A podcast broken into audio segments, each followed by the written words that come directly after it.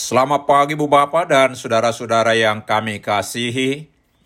Kami dari Yayasan Badan Kerjasama Marturia mengucapkan selamat beraktivitas hari ini di dalam penyertaan Tuhan kita Yesus Kristus.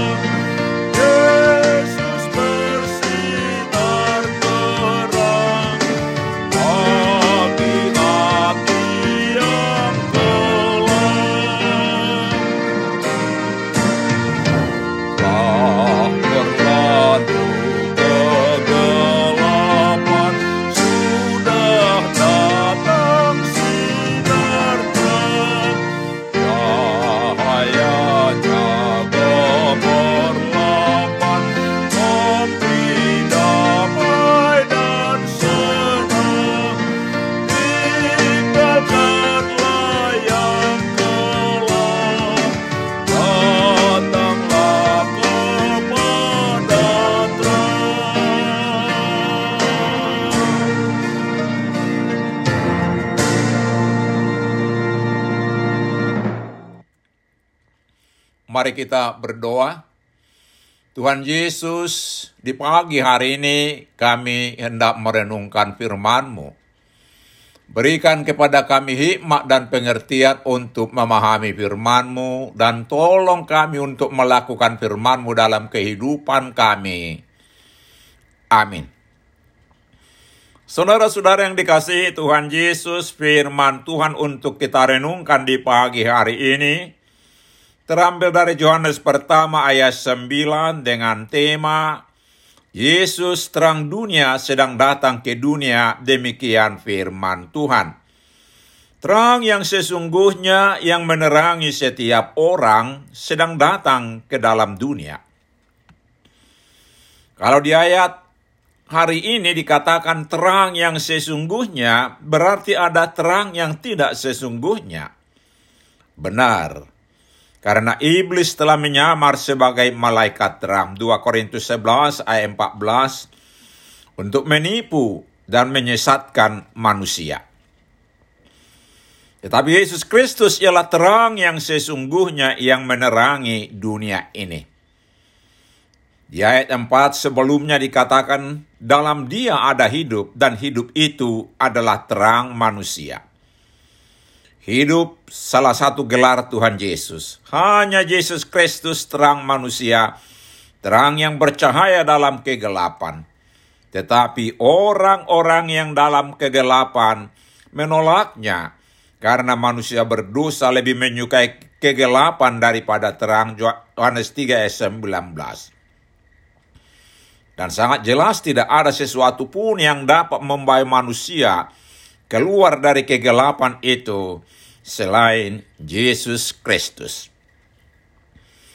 Selanjutnya, Yesus Kristus mengatakan di Yohanes 8 ayat 12, Akulah terang dunia, barang siapa mengikut aku, ia tidak akan berjalan dalam kegelapan, melainkan ia akan mempunyai terang hidup. Kata terang adalah salah satu dari tiga gelar yang disampaikan kepada Allah. Di Yohanes 4 ayat 24 dikatakan Allah adalah roh. Di 1 Yohanes 1 ayat 5 dikatakan Allah adalah terang.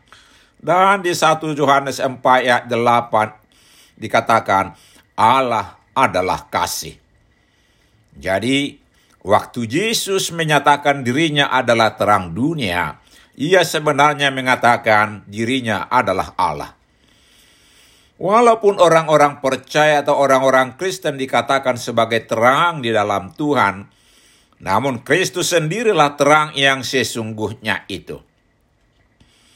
Dikatakan yang mengikut Kristus tidak akan berjalan dalam kegelapan. Mengikut Kristus ialah menyerahkan dan mempercayakan diri tanpa syarat kepadanya sebagai Tuhan dan Juru Selamat kita satu-satunya. Karena Kristus adalah terang dunia, maka kita yang mengikut dia tidak akan berjalan dalam kegelapan, dan kita tahu pasti jalan yang akan ditempuh. Yesus sendirilah jalan, keselamatan, dan hidup itu. Yohanes 14 ayat 6. Saudara-saudara yang dikasihi Tuhan Yesus, kita yang percaya kepada Yesus Kristus, ia sendiri telah menjadi terang bagi kita, menerangi kita, supaya kita berjalan di jalan yang benar. Dan kita yang sudah dalam terang Kristus harus memancarkan terang Kristus dari dalam hidup kita, sehingga orang sekeliling kita datang kepada Yesus, terang dunia itu, untuk menerima keselamatan. Tetapi, apakah kita sudah benar-benar dalam terang Kristus? Mari kita renungkan yang dikatakan di 1 Yohanes 2 ayat 10 dan 11 ini. Barang siapa mengasihi saudaranya, ia tetap berada di dalam terang, dan di dalam dia tidak ada penyesatan. Tetapi barang siapa membenci saudaranya, ia berada dalam kegelapan dan hidup dalam kegelapan. Mari hiduplah dalam terang dengan mengasihi saudara kita Amin. Mari kita berdoa.